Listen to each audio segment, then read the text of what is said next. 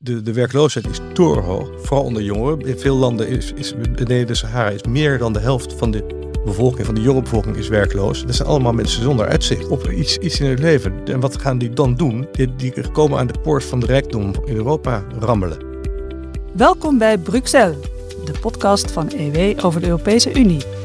Matthijs van Schie en correspondent René van Rijkenvorsel bespreken actualiteit en achtergronden van de EU-politiek in Brussel. In Europa zijn alle ogen gericht op de zogenoemde klimaatcrisis.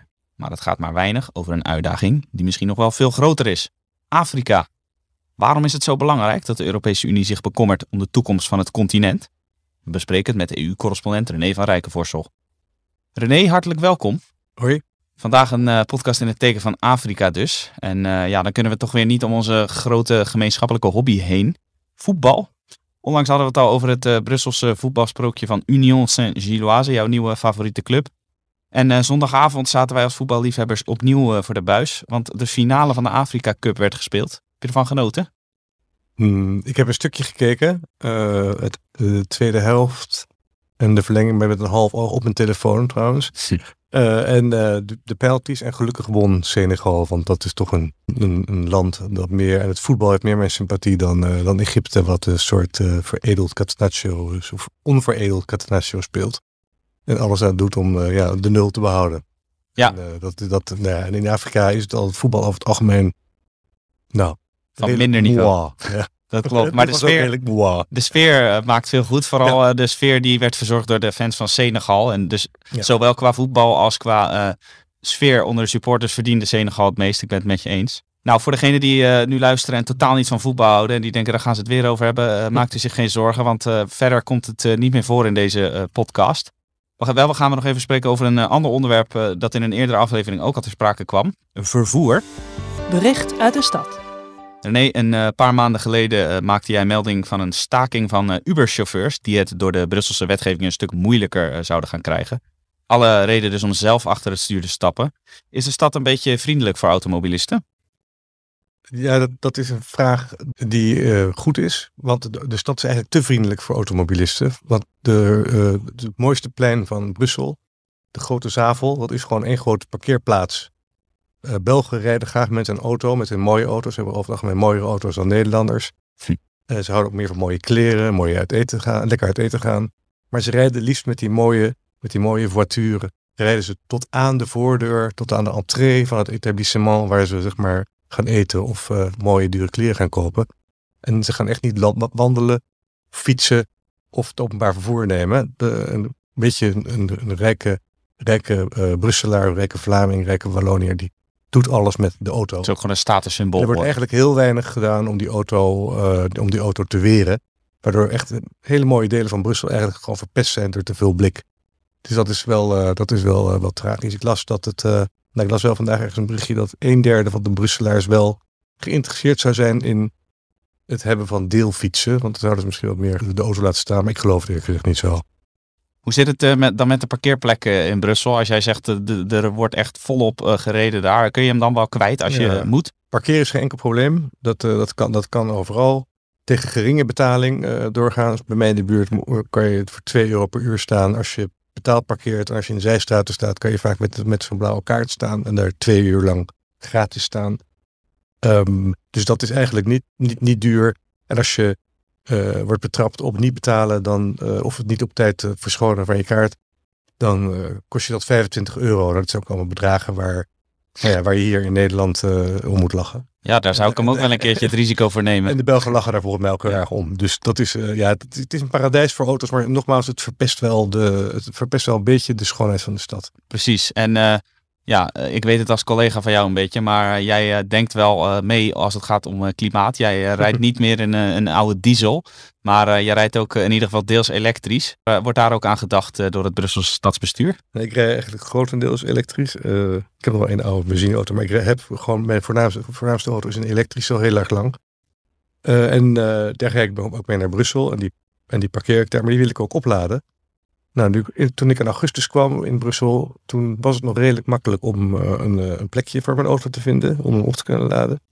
Maar ik merk, naarmate de maanden vorderen, dat, de, ja, dat Brusselaars die, die een nieuwe auto kopen, dat toch vaak kiezen voor een elektrische auto.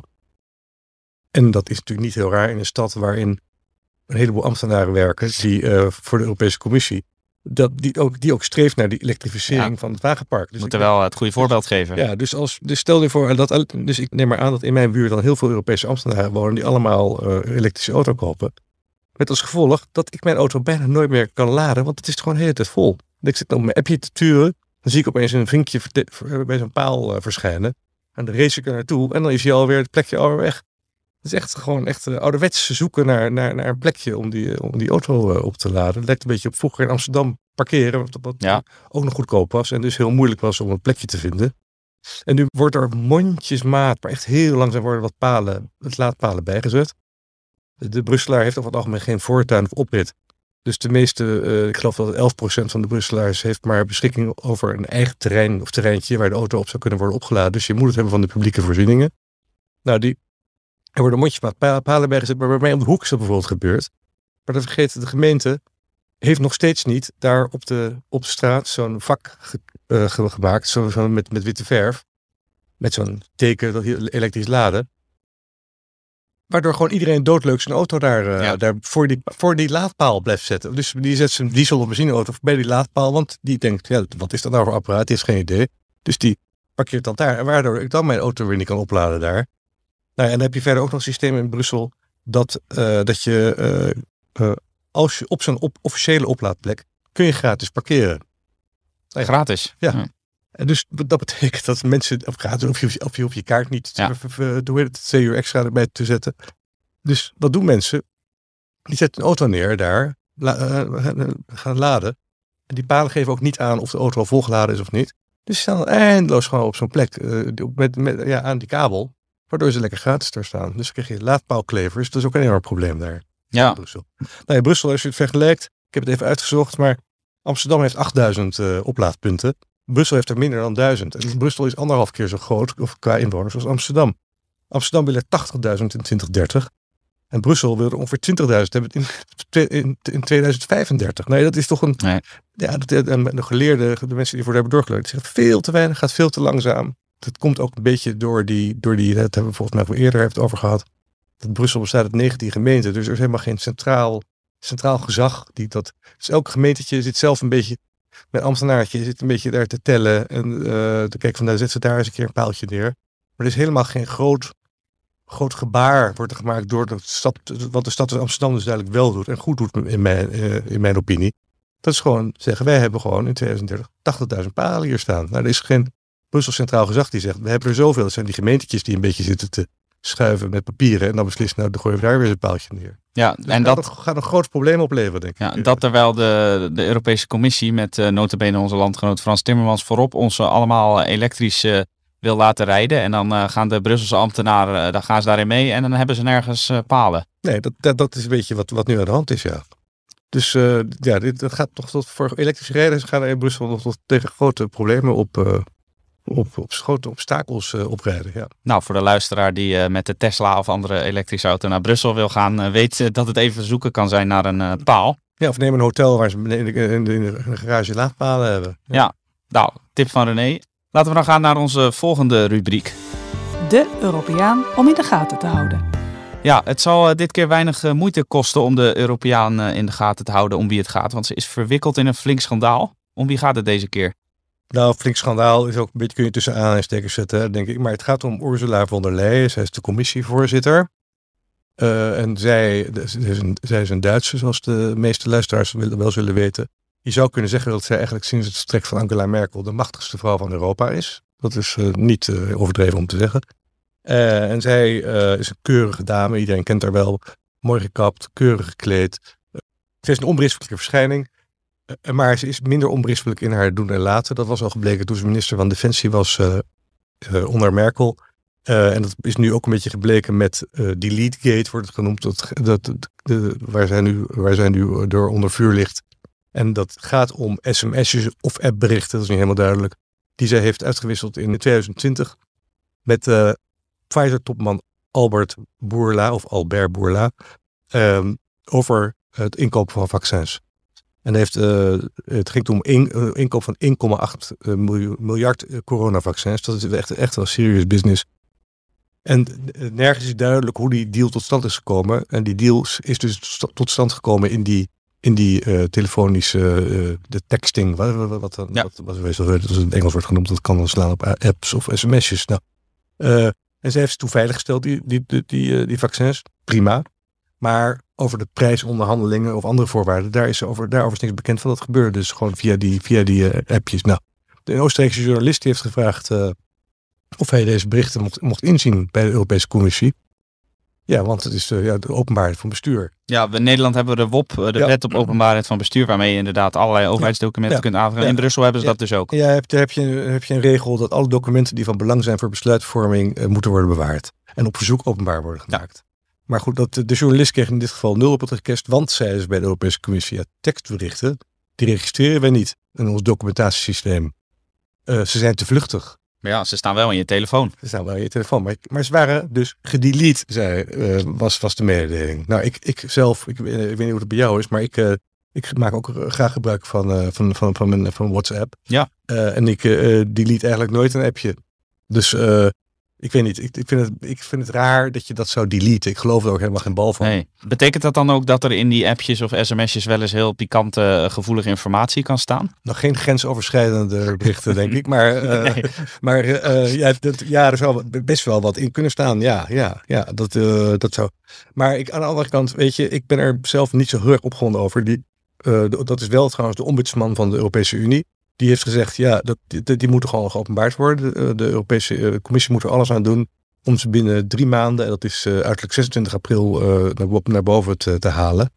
Ja, als ze die heeft gedelete, dan, uh, dan kan je drie maanden wachten, maar dan komen ze niet meer terug, zou je zeggen. Ja, ik weet niet of ze dan weer ergens op een server opgeslagen staan. Dat weet je. En de Europese Commissie kan ook zelf zeggen, die kan dit naast zich neerleggen. Dat is dat ook nog, maar dat, hm. zal, dat zal heel slecht afstralen op, op mevrouw van der Leyen. Dus dat zal, dat zal ze wel, uh, ja, dat zal ze niet graag willen. Ja, er gelden regels, maar uh, als het erop aankomt, dan eigenlijk niet. Dat zal, ja, maar de, de, de, wat ik zelf vind eigenlijk daarvan is, uh, wat, ik app zelf dus ook al veel, zoals ik zei. En dat heeft toch ook een beetje het ouderwetse het telefoneren vervangen. Hè? Ja. Je, wat, je, wat je, je doet heel vaak dingen met appjes, eventjes wat je normaal gesproken vroeger in een telefoongesprek zou hebben gedaan. Dat telefoongesprekken werden ook niet bewaard. Dat, nee. Die kon je ook niet opvragen. Nou, dus ik, ik vind het nog allemaal redelijk te billijken. Uh, niet, niet dat ze zegt dat ze zeggen delete, dat is niet te billijken, want dat is gewoon, dat lijkt mij een leugen. Maar dat je wel zegt dat het een soort vluchtig uh, informeel verkeer is, ja, dat kan ik me wel voorstellen. Uh, ja, de belangrijkste afspraken worden toch vaak mondeling gemaakt. Zo is het. Sorry, en het, zal, het, zal, het gevolg hiervan zal dus ook onherroepelijk zijn dat mevrouw von der Leyen veel minder gebruik gaat maken van haar WhatsApp of Signal of, of, of, of sms. En dat ze veel vaker zal gaan bellen. Of uh, even gewoon een onderling afspraakje zou hebben met iemand om dit soort dingen te bedisselen. Dus je denkt hetzelfde als wat je in Nederland ook zag. Met het verzoek van de Tweede Kamer, geloof ik. Dat alles maar openbaar moet zijn. Dat zelfs, eh, de, de, de zelfs de, alles wat er gebeurt in de, in het, in de, in de, in de, treffenzaal. Ja. Daar zit ze nu niet meer, want de Binnenhof wordt verbouwd. Maar goed, in die, wat in de treffen, dat het ook allemaal openbaar moet zijn. Maar dat gebeurt, dat, dat leidt tot veel meer achterkamertjes gedoe. Dus je moet niet totale openbaarheid eisen van alles.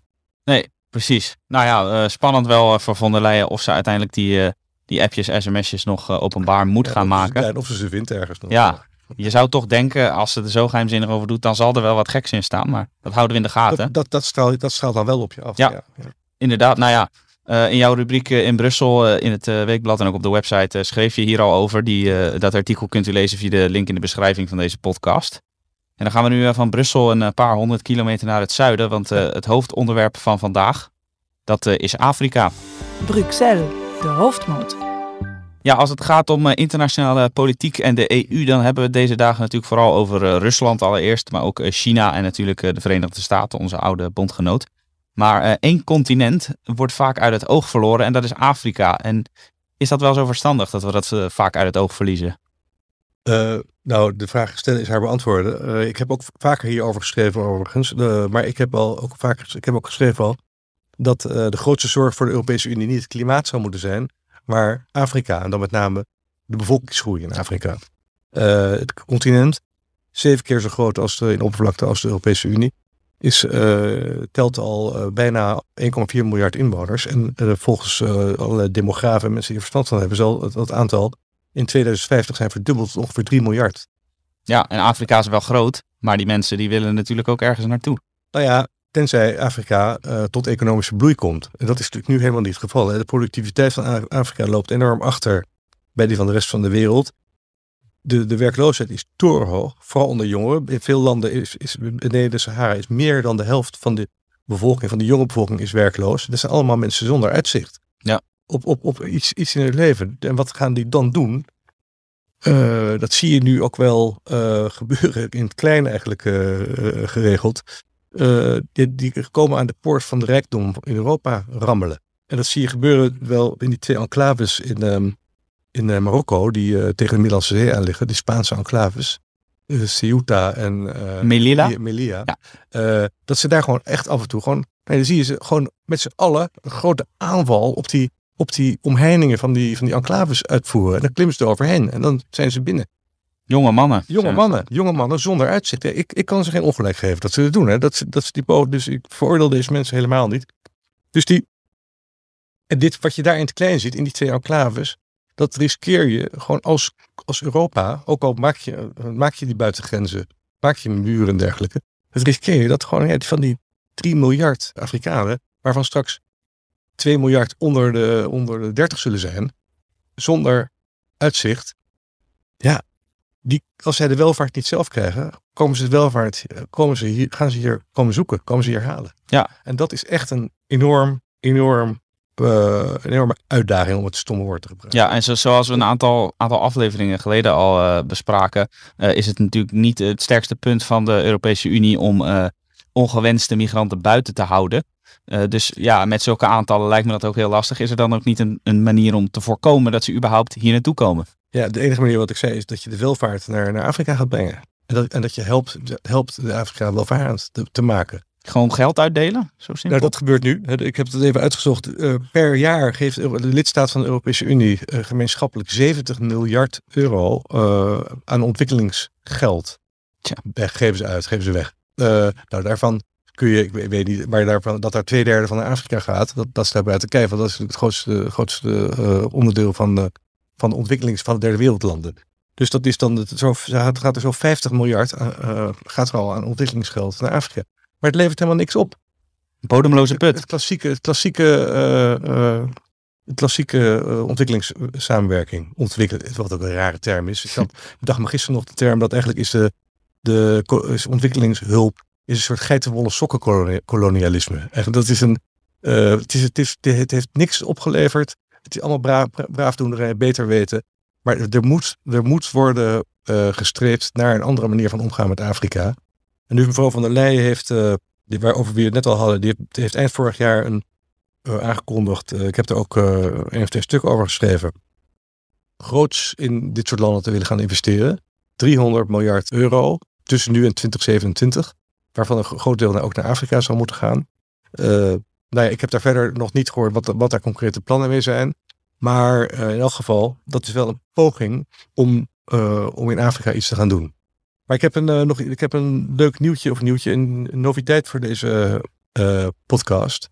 we gaan even bellen met, met iemand. Ja, we, gaan, we gaan bellen met Asita Kanko. Ze is Afrikaanse. Geen onbekende voor jou, hè? Ik heb haar ook uitgebreid geïnterviewd afgelopen jaar. Hele bijzondere vrouw nou ja, en erg ook betrokken bij Afrika. Ze heeft haar jeugd in Afrika doorgebracht. Uh, en we gaan even bellen over, over nou ja, de Europese Unie en Afrika. En ook eventjes kijken, want daarom heb ik het onderwerp deze week gekozen. Naar de Afrikaanse, de, top tussen de Europese Unie en de Afrikaanse uh, Unie. Die 17 en 18 februari zal plaatsgrijpen in Brussel. Het is voor het eerst in vijf jaar dat er weer een top is met Afrika. En daarin zullen allerlei dingen worden, worden besproken en aangekondigd. En dan kunnen we misschien na de, nadat ik met de Asita heb gebeld nog even over praten. Ja. Maar laten we eerst eventjes uh, luisteren naar wat zij uh, ons te zeggen heeft.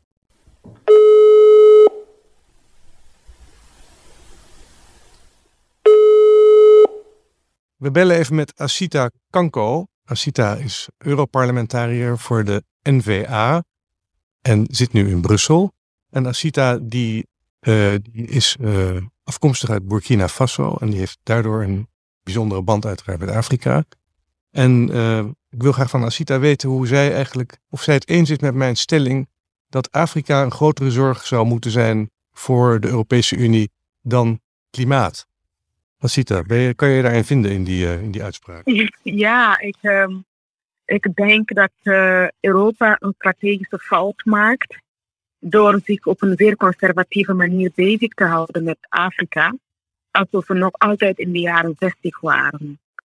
Dus blijkbaar niet zoveel geleerd en er wordt ook niet echt geluisterd uh, naar mensen en uh, er wordt ook niet gekeken naar de realiteit. Dus wat Europa nu nog aan het doen is, is de nieuwe diplomatie promoten in plaats van een partnerschap op te bouwen. Ik heb wel jaren geleden ook zelf als uh, jonge studenten in Burkina Faso vastgesteld dat Nederland en Denemarken wat meer uh, open waren uh, naar de toekomst in vergelijking met de andere Europese landen die wat echt paternalistisch bleven. En vandaag, terwijl wij bezig, Europa bezig is, zich bezighoudt met um, de woke-ideologie, de linkse dictatuur en de cancelcultuur, uh, zich af te vragen wie een gedicht al dan niet mag vertalen, of die nu een bepaalde kleur heeft of niet, heeft Rusland uh, haar invloedssfeer in Afrika vergroot. En nu in mijn geboorteland Burkina Faso zie ik dan een vlag van Rusland wapenen, maar ik zie ook dat de jihadisten terrein gewonnen hebben. Ik merk als ik met vrienden en familie praat, dat er steeds meer vrouwen in het noorden in het zwart gekleed zijn. Dus het islamisme heeft mijn geboorteland besmet. Dat doet bijzonder veel pijn. Ja, een maand geleden was er een staatsgreep in Burkina Faso. En in de hele Sahel is, is overspoeld door staatsgrepen eigenlijk de afgelopen, afgelopen anderhalf jaar. Um, wat zou Europa wel kunnen doen om het daar toch, niet, als ze niet paternalistisch zijn, maar wel een partnerschap aangaan met, met, met deze landen? Wat zouden ze alles moeten doen en kunnen doen? Ja, ik heb de neiging om te zeggen, misschien als Europa op die manier uh, dan is het gewoon beter om niks te doen. Hè. Gewoon die ontwikkelingssamenwerking, de ontwikkelings, de subsidies die wij daar geven, gewoon even stopzetten. Ik denk dat noodhulp toch belangrijk blijft, maar het financieren het, uh, van corruptie en het investeren in paternalisme, dat helpt niemand vooruit. Anders hadden we toch iets positiefs gezien. Hè. Dus wat Europa nu ook aan het doen is, er is maar één waarheid, het werkt niet. Integendeel. Uh, dus uh, de leiders daar moeten zelf hun verantwoordelijkheid nemen. Wij zijn, uh, de, ja, wij zijn toch onafhankelijk, we moeten hun verantwoordelijkheid nemen. Wat Europa wel moet doen, is gebaseerd op twee zaken. Ten eerste economisch. Op economisch vlak de bedrijven stimuleren om samen te werken, handel drijven. de, de, de hulp stoppen en handel drijven. Want dat is de enige weg vooruit en ook voor waardigheid en, en, en wederzijds respect. En een tweede punt is ervoor zorgen dat men kan lobbyen voor een beter boekhoudsysteem. En dat is waar we eigenlijk voor moeten lobbyen om samen handel te kunnen drijven en met het bedrijfsleven te praten. Wat hebben jullie nodig? En daar eigenlijk de wetgeving exporteren en uh, best practices delen. In plaats van uh, de, de, de bedrijfsleven kapot te subsidiëren via uh, de, de ontwikkelingshulp. Dat is niet goed.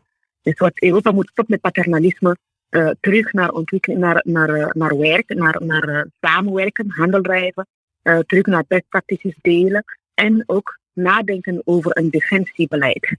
een serieuze defensiebeleid. Want vandaag de dag zijn wij niet in staat om onze waarden in West-Afrika te beschermen, maar ook niet in Oekraïne, nergens. En de staatsgrepen die komen juist omdat, uh, omdat die lokale regeringen toch hun werk niet doen, verplakt worden. En eigenlijk dat die verbaasd zijn. Maar toen ik tiener was, waren wij heel blij als er een staatsgreep kwam. Hm. Asita, ja. heel helder en goede voorbeelden. Um, Ursula von der Leyen heeft uh, begin dit jaar aangekondigd een Global Gateway. 300 miljard investeren in, nou ja, voor een groot deel in Afrika. Uh, er wordt volgende week, is er, eind volgende week is er, en dat is ook de aanleiding eigenlijk van dit onderwerp, deze podcast, en volgende week is de top van de Europese Unie, de Afrikaanse Unie. Kunnen we daar iets van verwachten, iets van verbetering? Zijn, zijn de schellen van de ogen al gevallen bij de Europese politici? Want die, die hebben natuurlijk ook te maken met het feit dat, ze worden, dat Europa wordt overspoeld door, uh, door de Afrikanen uh, die hier uh, ja, een beter leven zoeken. Dus je kunt de betere leven eigenlijk beter naar Afrika brengen dan dat je ze hier betere leven laat, laat zoeken. Uh, zijn, zijn de Europese politici, die toppolitici die jou kent en van nabij meemaakt, zijn die ervan bewust dat dit een, dat dit een belangrijk moment eigenlijk is om toch iets structureels te verbeteren en veranderen aan die relatie met Afrika? Ja, ik denk, ik denk dat we eigenlijk ontzettend veel verwachten van deze EU-Afrika-top. Is gewoon iemand die in de Sinterklaas gelooft. Hè? Ik hoop dat kinderen niet meeluisteren. maar in feite, uh, ik heb ontzettend veel verwachtingen, maar heel weinig hoop. Uh, want de, de mentaliteiten zijn nog niet gewijzigd. Uh, het pamperbeleid blijft nog altijd een soort van ja, strategie. En, en, en dat, dat werkt eigenlijk niet, maar dat gaan ze blijven voortzetten. Dus ik zou heel erg verbaasd zijn als er echt iets nieuws zou ontstaan na zo'n top. Ik blijf zoeken naar lichtpuntjes. Dan, uh, en dan dat, dat is het Global Gateway programma. Dus die honderden miljard die zijn bestemd voor vooral mhm. Afrika. Verwacht je daar dan ook helemaal niks van? Ja, nee, dat is voor mij allemaal, weet je, ik ben Europarlementslid, maar ik ben ook uh, in Burkina Faso geboren. Ik ben in Afrika opgegroeid. Ik ben daar ook op universiteit um, met andere studenten gaan betogen voor verantwoordelijkheid en voor vrijheid. Dus ik zie de situatie vanuit beide perspectieven. En wat ik nu kan, weet je, als men spreekt over de miljarden waar ik aan denk, dan denk ik aan mezelf, samen met mijn papa en familie. Wij zitten uh, in Burkina Faso naar het nieuws te kijken. En dan uh, komt er, uh, zien we in het nieuws dat Jacques Chirac in een, een groot, ja, Jacques Chirac een, een soort van papier is komen tekenen of een cheque of zo. En dat, wij, en dat er miljarden geïnvesteerd worden in Burkina Faso. Weet je wat we deden? Wij keken naar elkaar en we dachten weer zo'n beeld op televisie. Maar in de realiteit heb ik nooit een verschil gezien in de samenleving op basis van dat. Dus voor mij is dat gewoon een andere handtekening, een andere iets dat we niks kunnen noemen. Maar, als, maar wie of wel kan dan wel die welvaart naar Afrika brengen? Of is dat de Afrikanen zelf. De, Afrikanen zelf. Ja, en hoe gaan ze Men moet stoppen met de kleine diplomatie. De Afrikanen zelf, ze hebben armen en benen, ze kunnen echt keihard werken.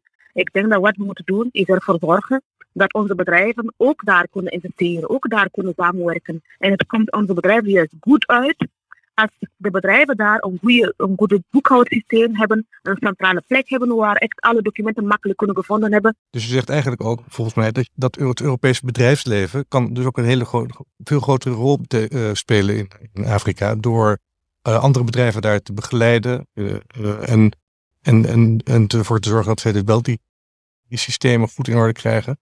Uh, en, daarmee, en, daar, en, en, hebben de grote, en dan hebben die Europese bedrijven hebben dan het voordeel dat ze dus een enorme markt ja. daarmee ook hebben in Afrika. Precies. Er wonen straks bijna 3 miljard mensen. Ja, waarvan ongeveer 50% heel jong is. Hè? En bovendien is, uh, is het ook strategisch belangrijk voor Europa om uh, al onze eieren niet op dezelfde plek te leggen. Want je moet, je, nu moeten wij veel te afhankelijk zijn van China bijvoorbeeld. En eh, we zouden veel meer samen moeten werken met eh, Zuid-Amerika en met Afrika. Dan is het strategisch een groter voordeel. En de Europese burger zal wat geld besparen, want nu moet hij zijn geld eh, of haar geld aan Van der geven om ja, een blanco cheque te geven aan Afrikaanse leiders die daarmee hun, hun bevolking pesten. Nou, de heel duidelijk allemaal wat je vertelt, Asita. Je wordt er niet vrolijk van, zeker niet, maar ik, uh, wat ik gun, ik gun Afrika, van Afrika, ik gun Afrika het allerbeste, maar op de manier waarop het nu gaat, zeg jij, is uh, in Sinterklaas geloven. Nou, dat is heel duidelijk. Uh. Ja, het is in Sinterklaas geloven, inderdaad. ga, desondanks ga ik volgende week wel even naar die top toe. is maar om te kijken wat er allemaal gebeurt. Maar dankjewel Asita en heb nog een, een goede dag vandaag. Dankjewel. Dag. Dag. Nou René, uh, interessante vrouw. Wel erg stevig in haar, uh, in haar uitspraken. En ze is ook niet altijd positief hè, over die uh, Afrikaans-Europese samenwerking. Nee, niet bepaald. Nee. Dat is, maar goed, zij, heeft natuurlijk, zij, komt van, zij heeft natuurlijk heel erg een perspectief van, van 20 jaar geleden in, in Afrika. Wat ze ook zei, van, oh, daar komt wel, dus ze heeft ook een enorm wantrouwen in de, in de leiders daar. wat ik me goed kan voorstellen, in Burkina Faso is inderdaad net weer een staatsgreep geweest. In Mali is net een staatsgreep geweest. Franse ambassadeur is eruit gegooid uh, een week geleden. Uh, er is een staatsgreep geweest in de, uh, Guinea, Guinea-Bissau, Guinea maar ook in Guinea-Conakry volgens mij ook. Nou, en Soudaan heb je natuurlijk allemaal gedoe.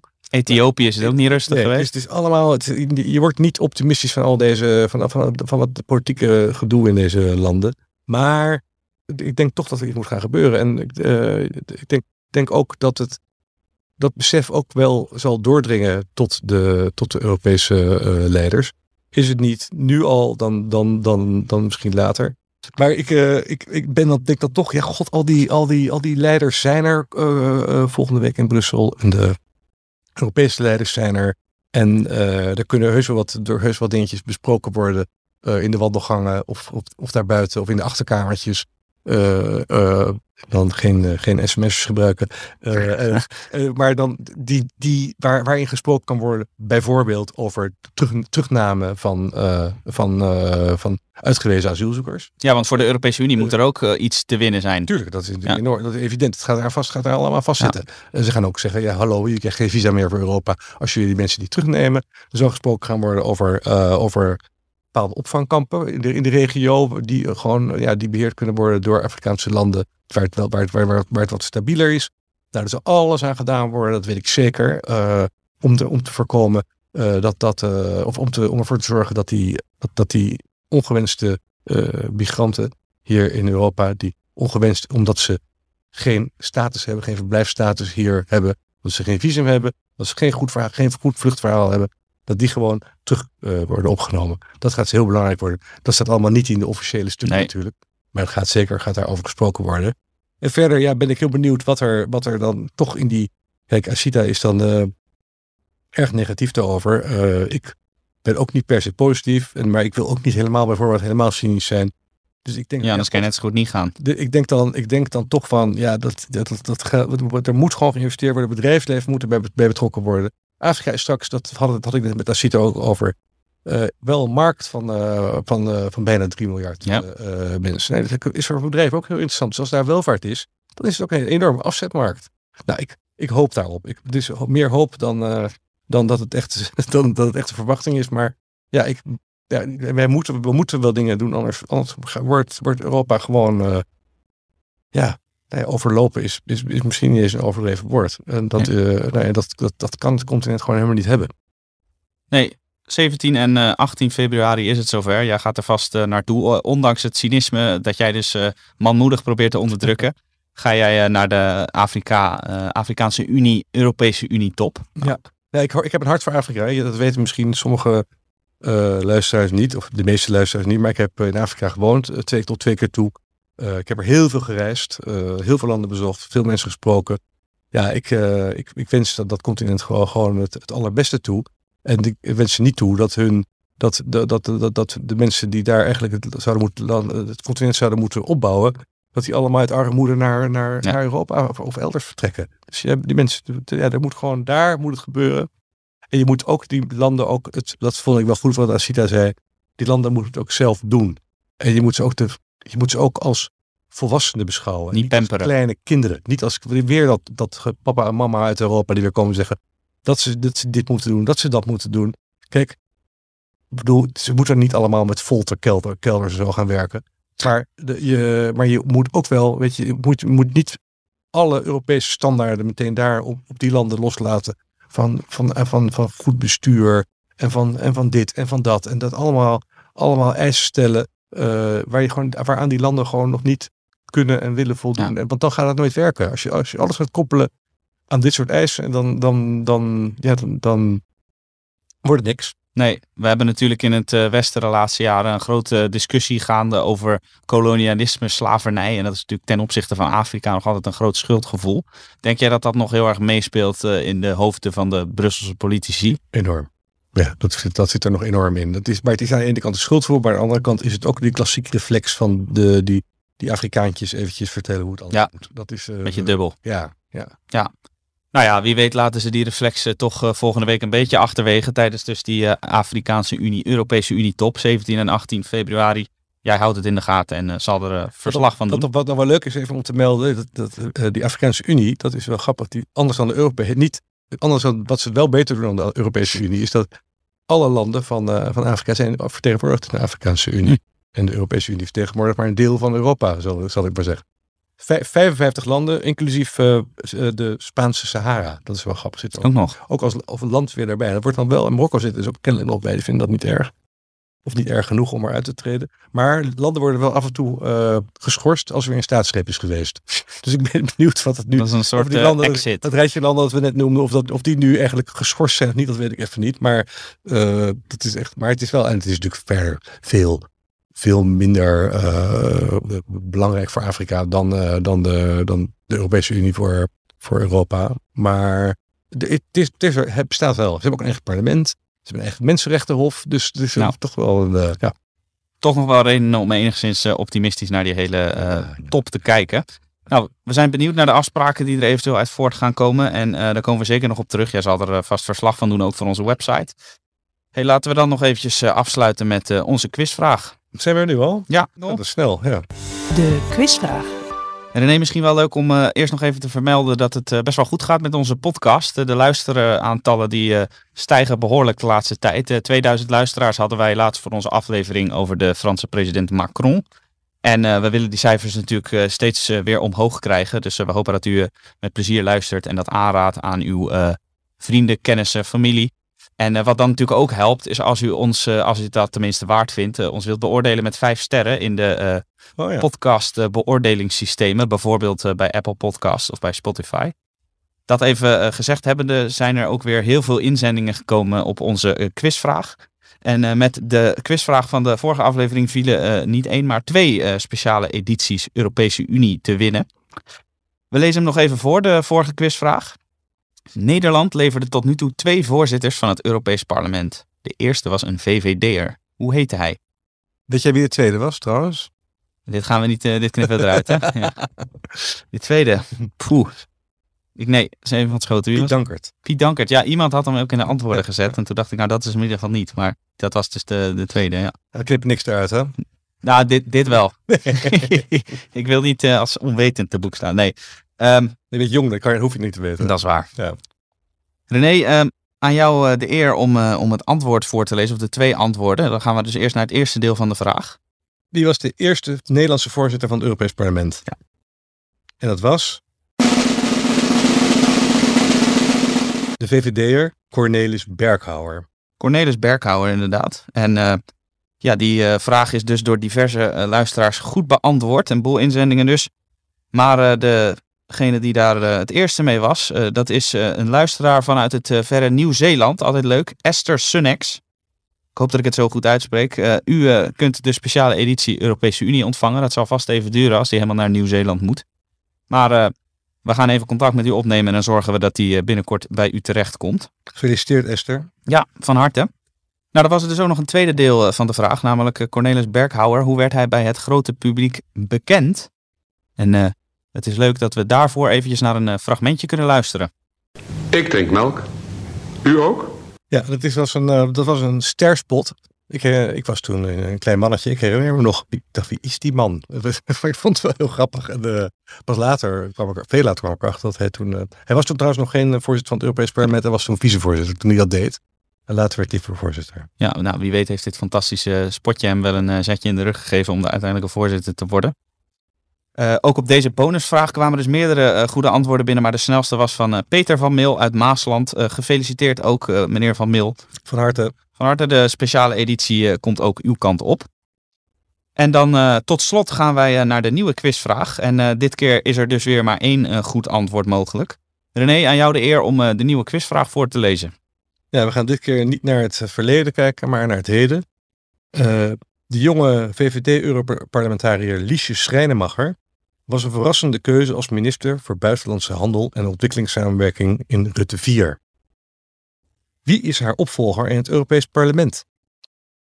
Nou, dat moet te doen zijn als ik het uh, zo hoor.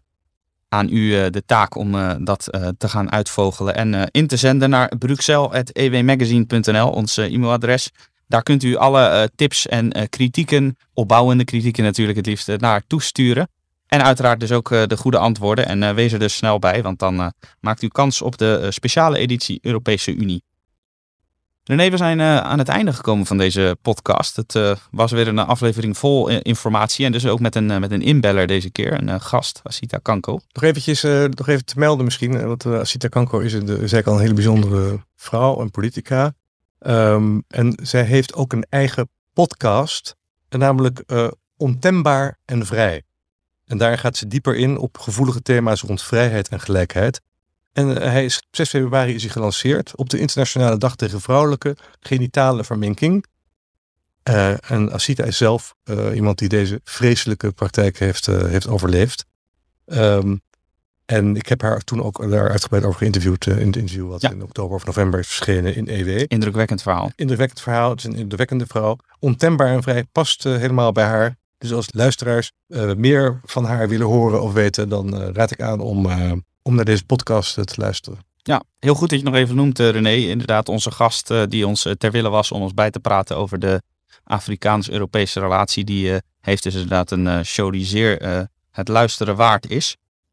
We zijn dus met onze podcast ook weer klaar. René, wat ga jij de komende weken allemaal volgen in Brussel? Ja, ik heb wel een drukke agenda. Ik ga niet in Brussel volgen, maar ik ga volgende week ga ik naar Straatsburg. Ik ben eigenlijk nog niet in Straatsburg geweest, maar zoals de uh, zoals de luisteraars weten, eh, komt het Europarlement uh, twaalf keer bijeen per, per, jaar in Straatsburg.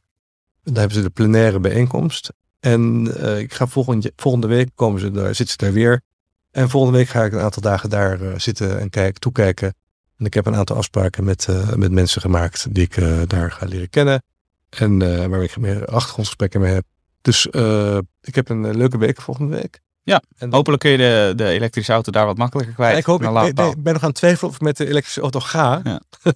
Want ik weet niet, die Fransen zijn ook nog niet helemaal uh, aangesloten op het, uh, elekt op het hm. nieuwe, elektrische, nieuwe elektrische autoleven. Dus ik moet even kijken of ik het wel of, of ik soepel kan, uh, kan laden onderweg. Maar ik, het is wel, wel mijn bedoeling om met de auto te gaan, inderdaad. Ja. ja. ja. Nou, goede reis alvast. maar in de tussentijd zal jij nog genoeg stukken publiceren in ons weekblad en op onze website. Dat kunt u allemaal vinden op ewmagazine.nl. En uh, dan zijn we dus aan het einde gekomen uh, voor vandaag. René, hartelijk dank. Dankjewel wel. Hartelijk dank voor het luisteren naar Bruxelles, de podcast van EW over de Europese Unie. Wilt u de artikelen lezen die Matthijs en René zojuist hebben besproken? De links zijn te vinden in de beschrijving. Meer podcasts van EW luisteren? Ga dan naar ewmagazine.nl/slash podcast. Vergeet ons ook niet te volgen op Facebook, Twitter en Instagram via het ewmagazine.nl. Heeft u interesse in een abonnement op EW, digitaal of ook op papier? Kijk dan op ewmagazine.nl/slash abonneer. Graag tot de volgende keer.